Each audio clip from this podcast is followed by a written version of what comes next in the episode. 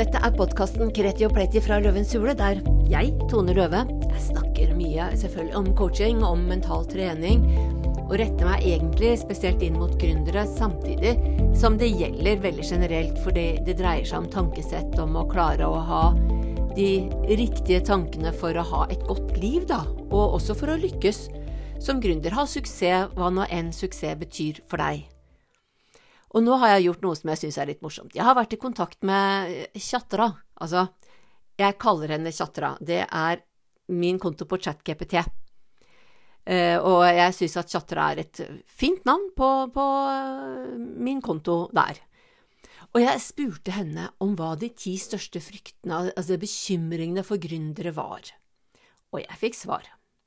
Og det har resultert i at jeg tenker det er smart å ta for meg en sånn frykt i, i hver episode av podkasten, og i denne episoden så snakker jeg om uh, frykten for å mislykkes, frykten for fiasko, som jo er en veldig vanlig frykt hos gründere, og kan gi en del forskjellige utslag, da.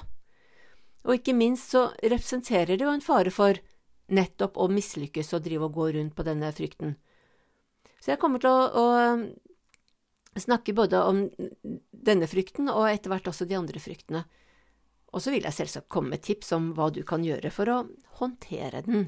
Det er jo litt av poenget. For jeg er helt overbevist om at du kjenner til denne frykten, altså den gnagende usikkerheten, de urolige tankene som henger som en sånn mørk sky over drømmene, over ambisjonene dine. Tenk om jeg mislykkes? Tenk om jeg er en fiasko? Og det kan være at disse kvalmeframbringende tankene holder deg våken om natta, for uh, Tankene våre farer med letthet vill i de aller mørkeste og svarteste avgroker i våre frykter, skaper dem om til gigantiske monstre, og det skjer så lett i nattetimene, og det kan bidra til å knuse drømmer og ambisjoner, så det ligger våken om natta og bekymre seg, da kan det toppe seg opp og, og bygge seg opp til noen svære, uformelige monstre disse fryktene og bekymringene. Så, og et resultat kan jo da være at du forlater dine kanskje dristige drømmer, og det kan være at du ikke ser noen annen utvei enn å gå tilbake til vanlig, trygt og forutsigbart lønnsarbeid. Og det bør ikke være noe galt i det heller, men det er liksom et eller annet med hva er det som passer for deg.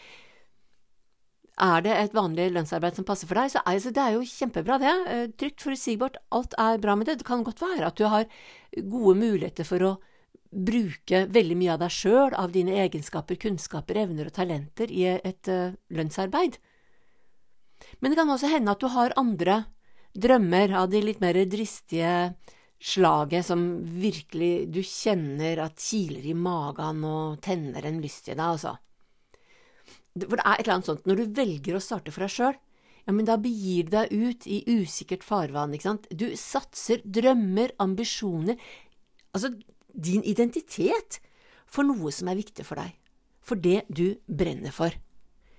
Og det er um, herlig givende og innmari skummelt. Innimellom så skummelt at du nesten opplever at du kan bli handlingslamma helt paralysert av frykt. Altså, alt du gjør, kan bli ett skritt nærmere fiasko. Og dersom du lar frykten herje, kan det også bli resultatet, altså fiasko, at du mislykkes. Men så hva er det dette egentlig dreier seg om, da, og ikke minst hvordan håndtere det? det du vil nok ikke kjenne deg igjen i alt, men jeg må innrømme at jeg kjente at noe av dette svei litt. Jeg kjente på at uh, jeg ikke er superkvinnen som unngår frykten for fiasko. På ingen måte. Og jeg merker effekten av det, og jeg veit Så, så veit jeg hva jeg trenger å gjøre. Det er bare den siste alvorlige, eh, utfordrende utfordringen, nemlig å gjøre det. Og en av de effektene som frykt for fiasko gir, frykten for å mislykkes, det er at du kan utvikle en unnvikende atferd. Og hva er det det dreier seg om? Og det kan være noe så enkelt og greit som at du lar være å ta beslutninger. For når du bestemmer deg for noe, når du velger noe, så velger du jo bort noe annet, Og det, det kan være skummelt, for tenk om det du velger bort egentlig er det rette. Så dette her er veldig typisk når det dreier seg om å finne målgruppe, for eksempel. Det å smalne inn, som vi blir bedt om når vi skal være gründere. Finn målgruppa di, smalne inn, du skal lage det til én person som du skal snakke til. Og nå begynner stadig flere å, å, hamre litt løs på denne ene personen, men at vi må ha en målgruppe så vi veit hvem vi snakker til, og at vi må snakke veldig personlig til den, det er vel ikke eh, så mange som er uenig i akkurat det. Men det er så lett å tenke at ja, jeg vil jo hjelpe alle. Men så er det jo sånn, da. Ikke sant? Eh, altså, for å fortsette litt med frykten, altså, hvor det er noe når vi retter oss inn mot en målgruppe, så er det innmari lett å tro at vi utelukker alle andre. Som for eksempel dersom du ønsker å jobbe med rehabilitering etter sykdom, da.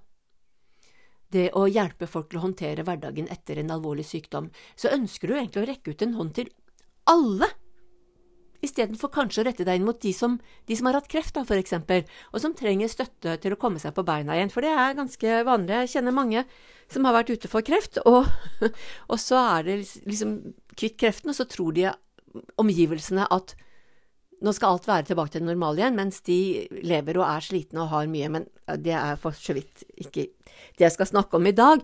Men det er noe med det å da liksom finne kanskje én sykdom, for det, da kan du snakke mye mer målretta til den. Og samtidig som en del andre som har vært gjennom alvorlig sykdom, vil jo kjenne seg igjen i mye av det, og vil også oppleve at du kanskje kan hjelpe dem også. Eller så kan det være at du ønsker å åpne en kafé, ikke sant, og så veit du ikke helt, du har en to–tre forskjellige lokasjoner, og du klarer ikke å bestemme deg for hvor du vil leie lokaler. Og hvis du da ikke klarer å ta den avgjørelsen, så, så, så mister du jo tid. Du kan til og med miste troverdighet som kaféeier fordi du ikke klarer å ta en så viktig avgjørelse. Og det er jo sånn, når du ikke tar beslutninger, når du ikke klarer å ta en avgjørelse, så kan det også føre til stagnasjon. Det stopper litt opp, du går glipp av muligheter, som for eksempel det å satse på rehabilitering av kreftpasienter kan gi tilgang, når du har bestemt deg for det, så kan det gi tilgang, og at du kan henvende deg til, og kanskje få oppdrag i grupper, du kan bli kanskje invitert inn på konferanser med det som tema, og det vil også være altså sannsynligvis da, være mye lettere å, finne og komme i kontakt med en mer spesifikk gruppe, sånn sykdomsgruppe, enn rehabilitering generelt. Og det er samme som du skal åpne kafé. du, altså, Dersom du bruker all tid og krefter på det å vurdere lokasjon, så, du, altså, så mister du tid på å vurdere andre ting, som eksempel hva slags type kafé, hva skal du servere, hvordan skal det se ut, altså det er veldig mange ting du heller kan bruke tida på når du skal åpne en kafé, enn hvor den skal ligge. Og når du da stagnerer, stopper opp, så blir det jo manglende progresjon, ikke sant, du får ikke iverksatt planer. Ting tar mye lengre tid, og du ikke sikkert du når fram med kommunikasjonen din heller. Du kommer ikke i gang, du blir ikke synlig. Og det kan jo være at du har fått med deg investorer, kanskje du har ansatte. Og hvis du da ikke har progresjon, at du har stoppa opp fordi du ikke klarer å ta beslutninger, så kan du på sikt miste både tilliten og respekten fra eventuelle investorer og ansatte. At de slutter å tro på at du kan levere, at du klarer å gjennomføre. Og det er jo ikke noe særlig ålreit når du skal være gründer. Og så er det da greit å vite at om du velger feil, så kan du alltids rette opp igjen, og det går an å lære av motgang sjøl om det er kjipt å høre at uh, du vokser personlig når du overkommer motgang. Det har vi jo alle hørt når det holder på på det verste og vi står midt i motgangen og syns at det meste er dritt og helvete, for å bruke litt sterke uttrykk. Så er det nettopp det, ja, men du blir sterkere av å overkomme motgang. Det er ikke det vi ønsker å høre. Og så er det likevel sant, da. Det, altså, det er et eller annet med at når vi klarer å komme gjennom motgang, det er masse, masse læring i det. Ja, det er dritkjipt, det er kjedelig når vi står midt oppi det. Og så er jo da kunsten å kunne trekke med seg den læringa som den, den, gir. Og når vi gjør det, så vokser vi. Og så er det jo eh, en annen ting som, som frykten for å mislykkes, altså frykten for fiasko, gjerne uh, bidrar til, da, det er at vi Altså, vi kan mangle initiativ, da. Det er så lett å unngå initiativ. Og dersom det å unngå initiativ blir en vane, altså så vil jo konkurrenter etter hvert gå forbi deg. Jeg er litt fristende å, å trekke fram Skule Bårdsson, altså Jarl Skule, hertug Skule, han levde jo på jeg tror det var på 1200-tallet, 1100-1200-tallet, er veldig lenge siden. Uh, og hertug Skule ble jo etter hvert han sitt til altså, Jeg har jo nettopp vært på teater og sett Kongsemnerne av Ibsen på Trøndelag Teater, en helt fantastisk oppsetning. Men altså, ifølge Ibsen, og også for så vidt ifølge andre kilder rundt uh, Skule Bordsson, så dreiv han og nølte og tvilte så mye om han var et kongsemne. Altså, han var jo det, for han hadde noen sånne kongelige greier i, i bakgrunnen der. Og Håkon Håkonsen, som var den som var blitt konge, han var jo sønn av den avdøde kongen, altså, men han var en uekte sønn, og det var før Altså, og da var det for så vidt i loven at man skulle være en ekte sønn, som var viktig for at man skulle kunne bli en konge. Så Håkon Håkonsen var en uekte sønn. Hertug Skule han eh, var et kongsemne, han var ektefødt sønn av eh, en eller annen, så han mente han hadde krav på tronen. Men han nølte, han tvilte, han var usikker. Og han drømte om kongsmakt, men han turte ikke kreve den før det var for seint. Da han var i en alder av omtrent 50 år, så gikk han til åpent opprør og lot seg utnevne til konge av Norge av sine tilhengere. Men det var for seint, veit du. Han eh, hadde det opprøret, og han ble drept eh, året etter. Så sånn gikk det med hertug Skule fordi han tvilte og nølte altfor lenge. Hadde han grepet kongsmakta tidligere, så hadde han kanskje kunne blitt en i kongerekka. Men det blei han ikke. Og så er det jo så at det står jo ikke om livet for de fleste av oss. Altså, det er jo ikke det om vi tviler og nøler og unngår initiativ. Så vil vi jo sannsynligvis ikke miste livet av den grunn. Men det er veldig sannsynlig at det finnes andre, andre som tar initiativ. De vil gå forbi oss og hente ut kundepotensialet, mens vi, hvis vi står og ser på, vi står kanskje litt tafatt og ser på også, litt på sidelinja. For det er viktig å bare gripe sjanser, ta initiativ. For det er noe med at den stadige utviklinga også. Det er, det er så viktig å å jobbe med oss sjøl, finne på nytt, stadig utvikling.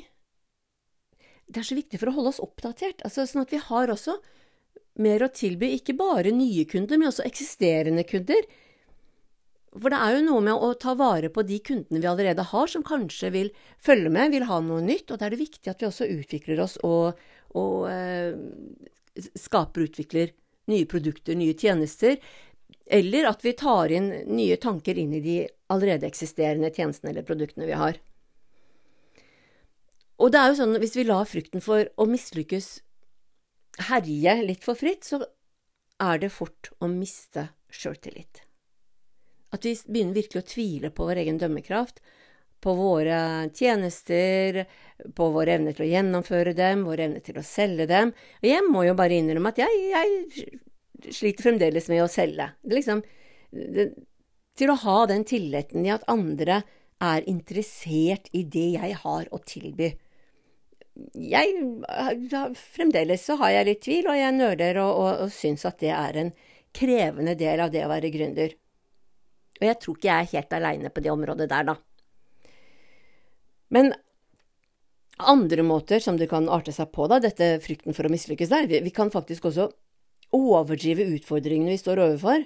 Vi kan se på disse utfordringene som helt uoverstigelige hindringer, istedenfor å bryte det ned til overkommelige oppgaver. Og det er jo noe med det at vi skal, hvis vi skal la denne motgangen stoppe oss, da, så er det fort gjort at den derre ekle følelsen som heter maktesløshet, kommer snikende. Og den kan virkelig gjøre mye ugagn i et hode der sjøltilliten er ute av spill da er veien rask til å Altså, fristelsen for å gi opp, da, den kommer fort. Det å tenke at ingenting nytter, og at den eneste veien framover er faktisk å gi opp som gründer. Og det betyr, i de fleste tilfeller, å gi opp drømmen, da. Vi gir opp dette ønsket om å kunne gjøre en forskjell, om å bidra med det flotte akkurat du kan bringe til torgs. Og da er det også, altså når alt dette får litt sånn fritt spillerom, så fort gjort å miste motivasjonen, da. Drømmene og ambisjonene var veldig mye festligere som tankespinn, at det var en fin drøm som ikke fortjente realisering. For det var ikke noe morsomt lenger. Og det er også litt sånn ikke helt uvanlig da, at eh, når det blir litt motgang, det blir litt krevende. Det kan også være at når vi har suksess, vi mister motivasjonen. Det var ikke så gøy lenger. Altså, drømmen blir eh, realitet, og vi ser at den medfører mye jobb. Men uansett hva vi gjør, altså, det kommer dager da alt virker kjedelig, svart, livløst og helt ufattelig at det har vært en drøm en gang. Og da kan vi lure på hva kan gjøres, eller stå djelat som Lenin faktisk skrev en bok om. Det var riktignok om noe helt annet enn hvordan gründere skal jobbe med frykten for å mislykkes, for Lenin var ikke særlig opptatt av gründere, han var i grunnen ikke spesielt begeistra for gründere i det hele tatt. Men det var andre tider, et helt annet samfunn med helt andre ideer, og det interessante er jo ikke hva Lenin tenkte, men hva kan du og jeg gjøre her og nå med denne frykten for å mislykkes? Og det er mye vi kan gjøre. Jeg tenker at det, det aller viktigste vi kan gjøre, det er jo å jobbe med tankesettet, ikke sant? Både hva vi tenker, og hvordan vi tenker det. Det er lett å sette seg ned og overbevise seg sjøl og andre ja, men det er sånn du tenker. Du klarer jo ikke å tenke noe annet, for tankene kommer sånn helt av seg sjøl. Og det gjør de jo. Og så er det viktig å tenke på da, når disse tankene bare kommer deisende, at det, er den gamle identiteten din som dukker opp, den identiteten som du har utvikla gjennom alle disse vanene og tankene som du har hatt over mange år. Og når du skal begynne å tenke nye tanker, så kommer denne gamle identiteten den vil passe på at ikke du tenker nye og friske tanker. Den vil, den vil at du skal altså, være innafor komfortsonen. Den vil at du skal passe inn i flokken. Fordi det er trygt. Det er velkjent. Og når du begynner å tenke nytt, og mer konstruktivt eller kreativt, da vil det komme protester fra dine gamle vaner, som jo på mange måter er en veldig viktig del av din identitet. Og da er det eh, raskt på sjølsabotering og motgang. Og når det dukker opp, det er da det gjelder å holde ut, ikke sant, vite at oi, dette her er helt naturlig, det er en del av prosessen, og det er bare å møte det. Det kan være møte dem en litt sånn oi, hei, er du der igjen, ja? Ja, du får brøle deg gjennom, da, jeg har ikke tenkt å lytte til deg denne gangen, og så bare lukke døra til disse gamle vanene som hårnakket ønsker å holde deg tilbake. For det er jo noe sånn, ikke sant, skal du være gründer, det er jo noen som har en identitet som gründer, og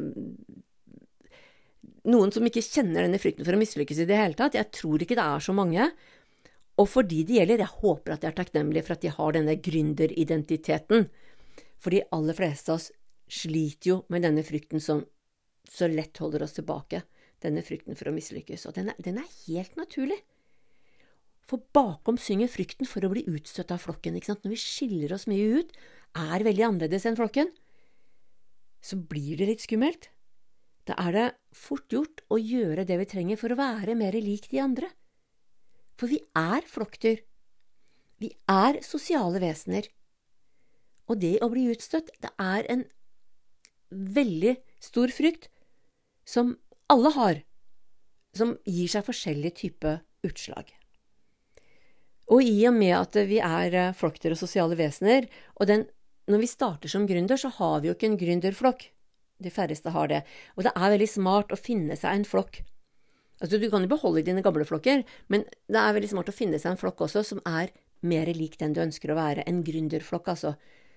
Um, men det er blant alle flokkene du skal ha, så er det veldig ålreit at det i hvert fall er én som skjønner hva du driver med, som har forståelse for hverdagen din, som, som, som ser den, og som syns det er dritgøy når du gjør suksess, når du gjør ting som synes som kanskje ingen andre gjør, når du har gjennombrudd, så er det bare heiarop og full støtte.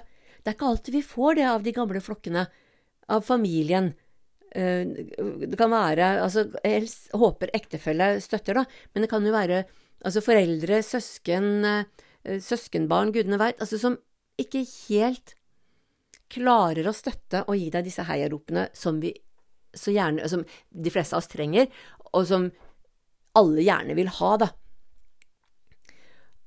Og så tenker jeg at det er innmari smart å ha en sånn gjennomgang. Hvorfor er det viktig for deg å følge den drømmen din? Hva er det som er så viktig med den? Hva er det du egentlig ønsker å oppnå?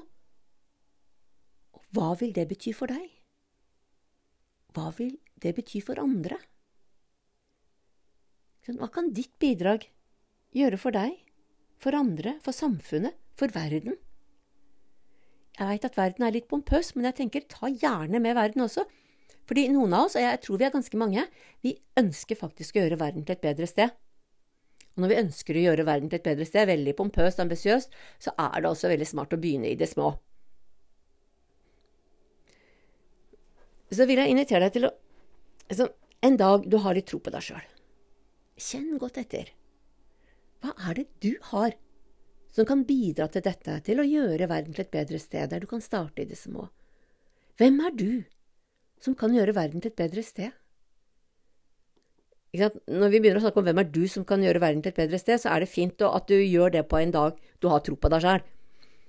Og jeg tenker at når du gjør det, skriv det ned. Fordi da, det, da, har du noe å se tilbake til på de dagene hvor frykten for å mislykkes herjer, og du ikke har tro på noe som helst.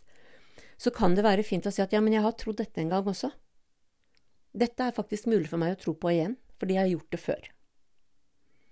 Og Hvis du syns det er veldig krevende å finne alt sjøl, ja, men snakk med noen andre da, som kjenner deg, som har tro på deg. Hvilke egenskaper er det du har? Hva er det du har som gjør at du kan lykkes? at du kan bidra til å gjøre verden til et bedre sted.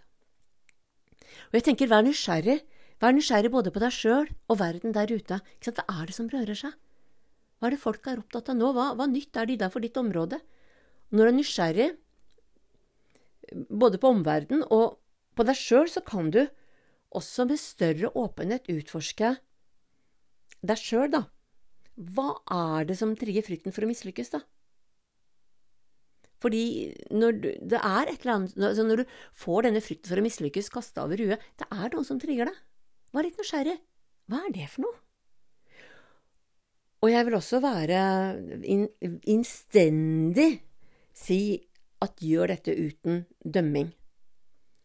Ikke sant? Det er når du oppdager hva det er som trigger frykten for å mislykkes, oppdager så la være å dømme deg nord og ned.